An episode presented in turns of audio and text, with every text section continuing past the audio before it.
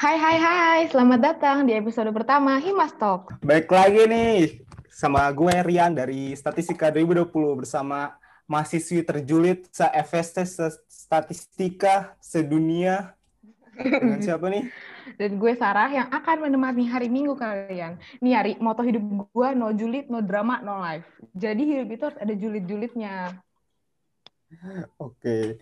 Jadi kita mau ngapain nih, Sar? Hari ini kasih tahu gue dong. Kita tuh di sini sebagai announcer dari Himastok. Lu tau gak sih Himastok itu apa? Oh, gue tahu nih Himastok tuh kepanjangan dari Himastok kan, yang agenda dari Kesma gitu yang baru kayak keren gitu gak sih? Iya bener banget. Jadi di Himastok ini kita bakal ngobrol-ngobrol seru tentang informasi terkini atau cerita-cerita menarik lainnya. Oke, kita bakal ngobrol-ngobrol seru nih tentang informasi terkini. Bener banget. Apalagi kita kasih bumbu-bumbu dikit biar makin berwarna. Karena hidup itu tuh harus berwarna. Karena no julid, no life, no drama. Kok ya, Ri? Uh, BTW, lu tau gak sih Himastok ini update-nya kapan aja? Oh iya, jadi Himastok itu bisa didengerin setiap hari Minggu sebelum UTS dan UAS nih buat nemenin belajar-belajar kali ya biar nggak stres banget. Wah, jadi pas banget nih buat nemenin malam Seninnya dari keluar mending dengerin kita aja sambil mempersiapkan UTS untuk Seninnya.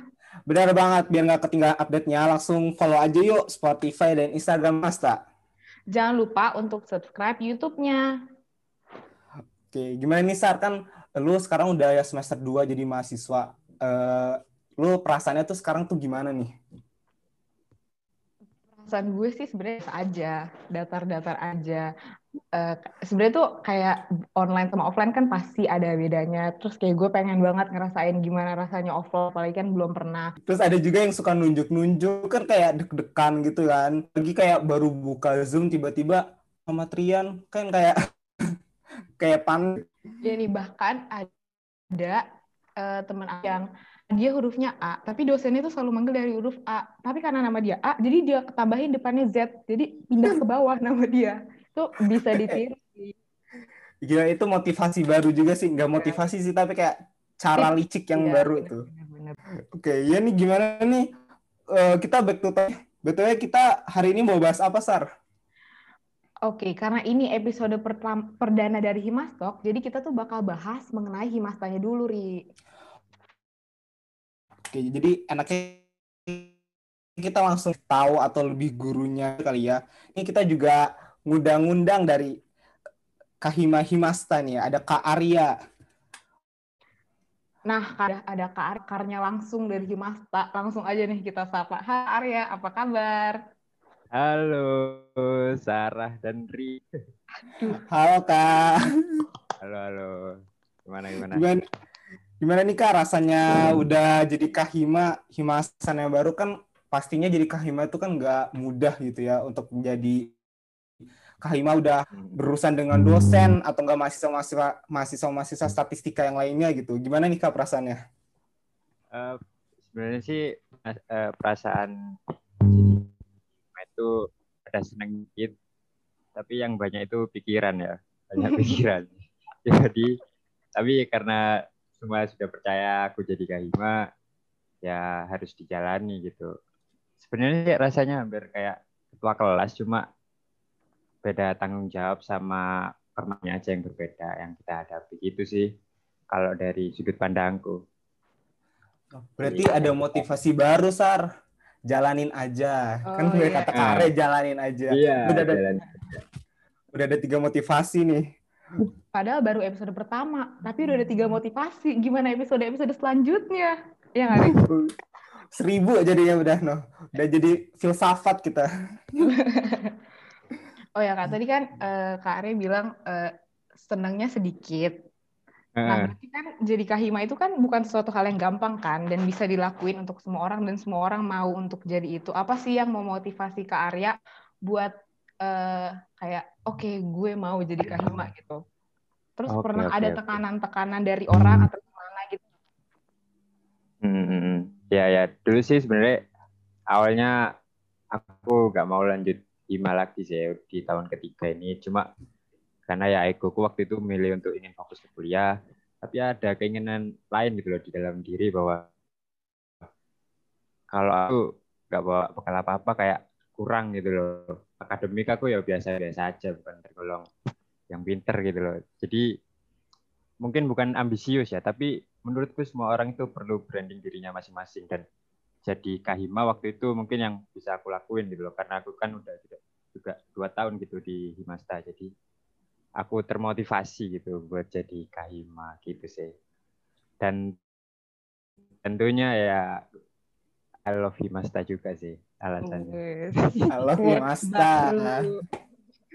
Jadi tuh karya dari pas masih jadi maba udah uh, udah ada start hima juga. Terus terusan hima hima terus gitu. Iya dulu aku awal di Medinfo terus jadi staf ahlinya Medinfo terus sekarang jadi kahima gitu. Oh.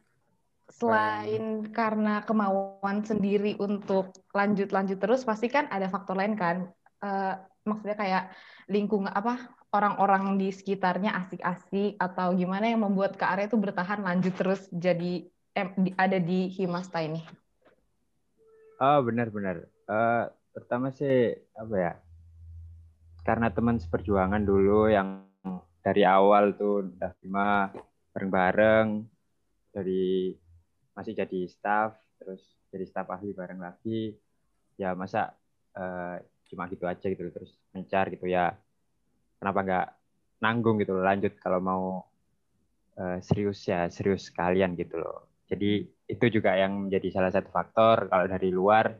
Terus juga karena emang kating-katingnya seru sih jadi aku uh, pengen terus daftar di masa gitu kating-katingnya itu seru sih menurutku gitu.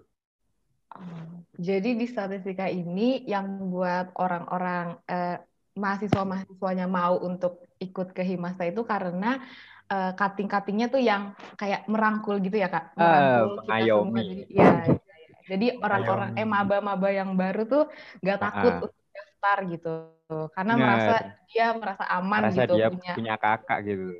Oh iya iya iya. iya.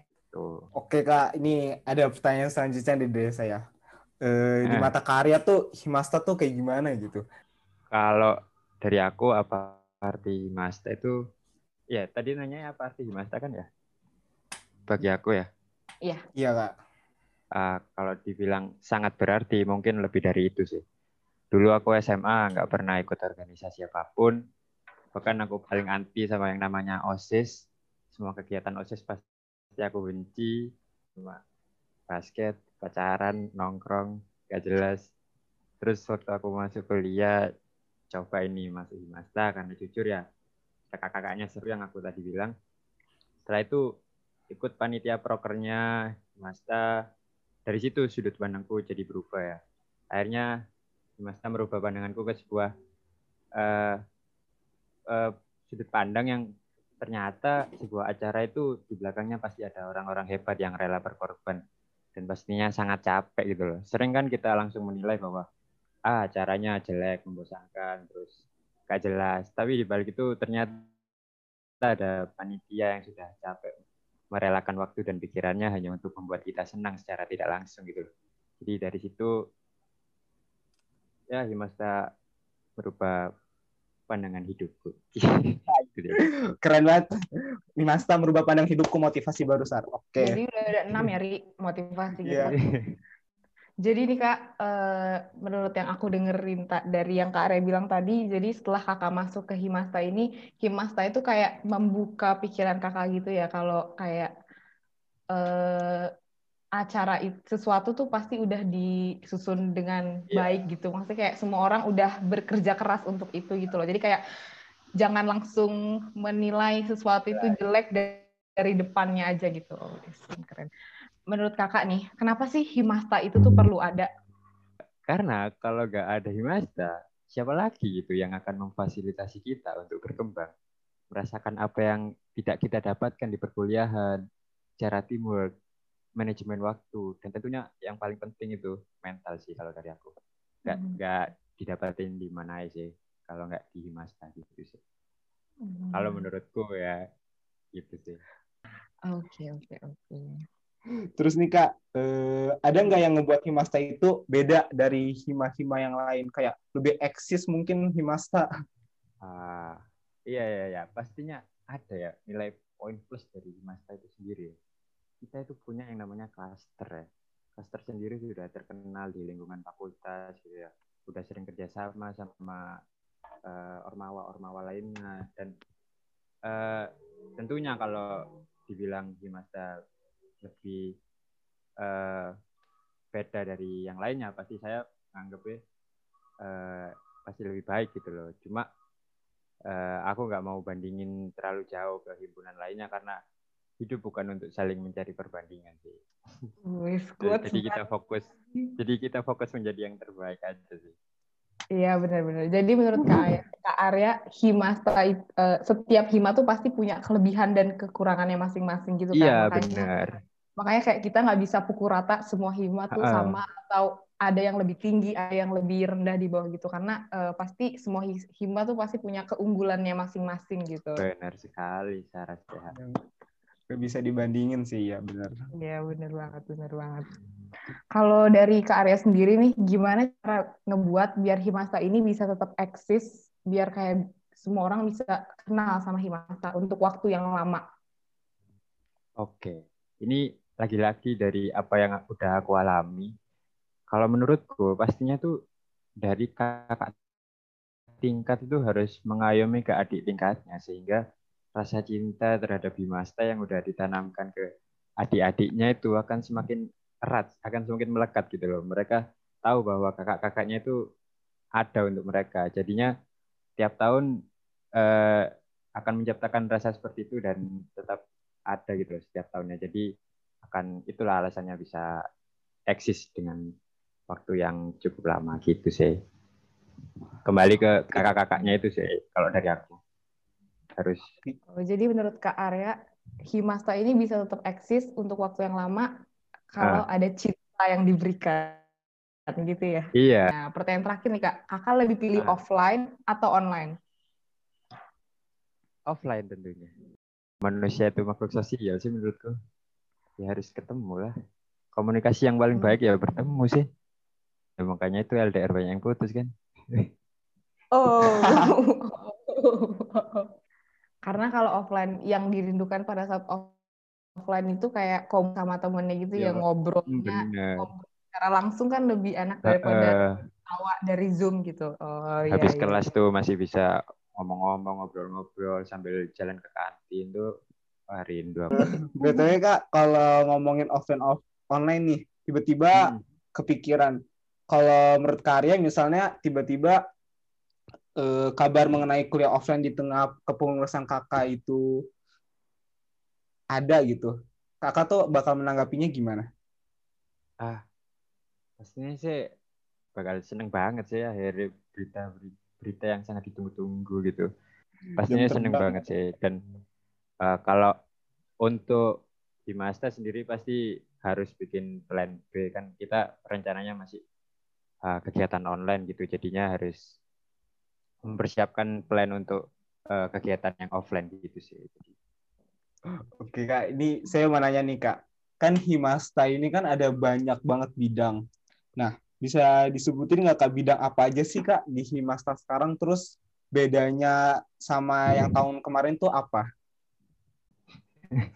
Bidangnya tuh ada lima, PSDM, eh, Metinfo, terus keilmuan, terus Kesma sama oh lima sama BP, BPI sih. Sebenarnya nggak ada bedanya sama tahun kemarin. Kenapa nggak ada bedanya? Karena dari tahun kemarin itu menurutku kayak masih bisa dieksplor lagi gitu loh dari lima eh, dari bidang itu.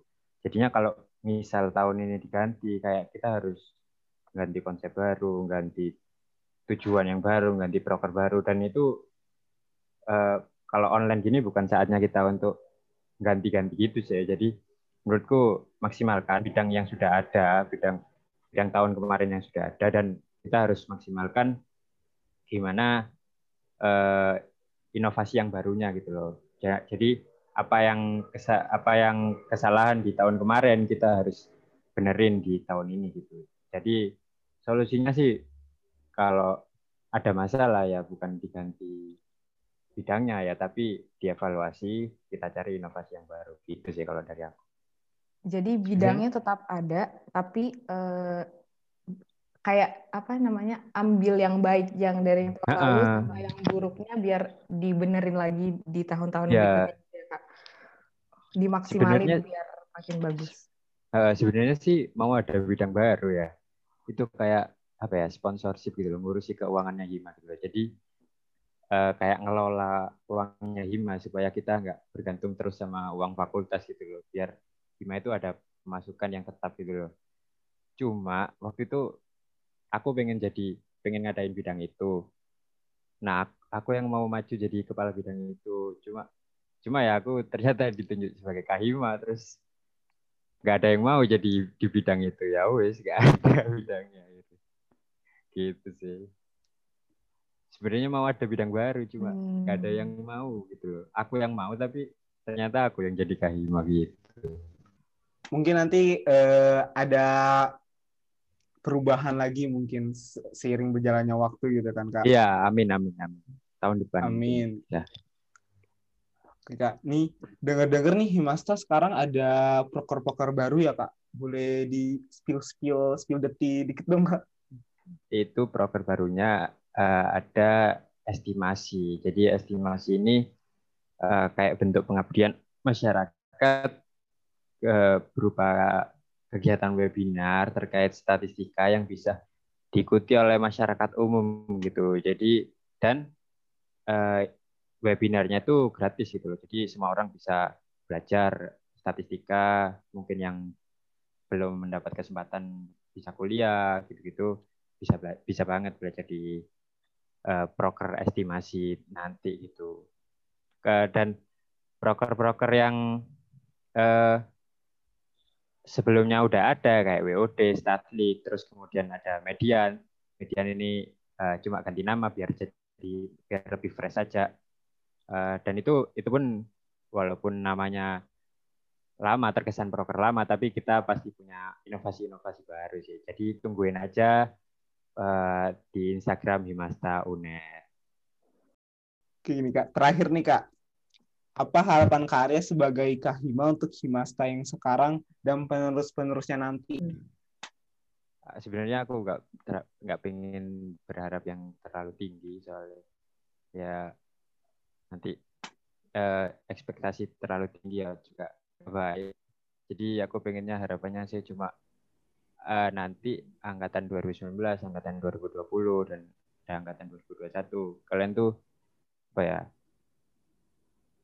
eh, istilahnya tetap jaga komunikasi antar angkatan gitu-gitu sih. Soalnya itu kunci utama gitu loh komunikasi antar angkatan gitu-gitu dan pastinya tetap cintai Himasta sih gitu harapanku. Apa pun yang terjadi gitu. Mau kamu dalam keadaan lagi eh, nilai jelek nilai bagus ya jangan lupain Himasta yang udah ngasih kamu eh, banyak gitu loh. Gitu sih harapanku. Jadi harapan Kak Arya tuh Kak Arya nggak mau berekspektasi yang terlalu tinggi. Karena ekspektasi yang terlalu tinggi itu nggak baik. Pokoknya harapan Arya semoga ya yang cinta sama Himasta gitu.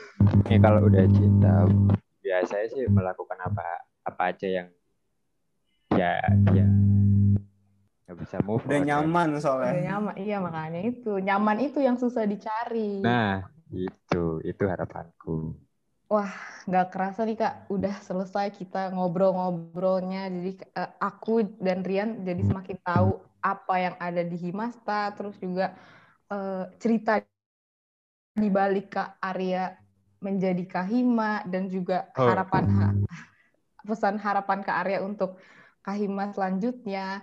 Eh, aku mau ngucapin terima kasih ke Kak Arya yang udah kasih jawaban yang menginspirasi dan memberikan kita banyak quote. Oke. Ayo Rik, kita kasih tepuk tangan dulu buat Karya. Pemirsa di rumah juga boleh tepuk tangan. Oke. Terima kasih ya Kak Arya udah ini. Meluangkan waktunya untuk sharing Ah. sama kita di episode pertama Himastok nih. Iya, Wih, oke. seru banget. Aku mau ngucapin terima kasih ke Kak Arya udah mau meluangkan waktunya untuk sharing-sharing sama kita dan para pendengar yang ada di rumah di episode pertama Himastok ini. Wah asik banget nih Sar episode pertama ini. Bener nih, uh, setelah ngobrol-ngobrol sama Kak Arya, kayak walaupun Kak Arya seorang kahima yang bukan bisa dimiliki sama semua orang, tapi dia tetap merasa kalau diri dia biasa-biasa aja gitu. Dia tetap rendah hati. Wih, episode pertama aja nih udah seru banget. Gimana episode episode selanjutnya pasti nggak kalah seru dan menarik dari hari ini. Duh kepo banget, kita bakal lebih julid lagi nggak ya dari ini? Mungkin kayak lebih lebih banyak quotes, lebih banyak motivasi, lebih banyak moto. Moto moto kita tuh banyak tau bukan no life no bukan no julid no life no drama doang. Nanti kayak ada lagi di episode kedua. Bener banget.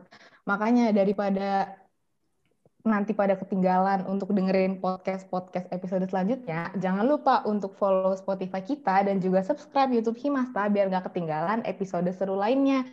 Karena di episode seru lainnya tuh bakal ada bintang tamu yang lebih keren, bakal ada eh, motivasi-motivasi yang lebih memotivasi orang lagi. Terus juga pasti ada banyak pembelajaran-pembelajaran yang bisa kita dapetin, yang nggak bisa kita dapetin dari perkuliahan.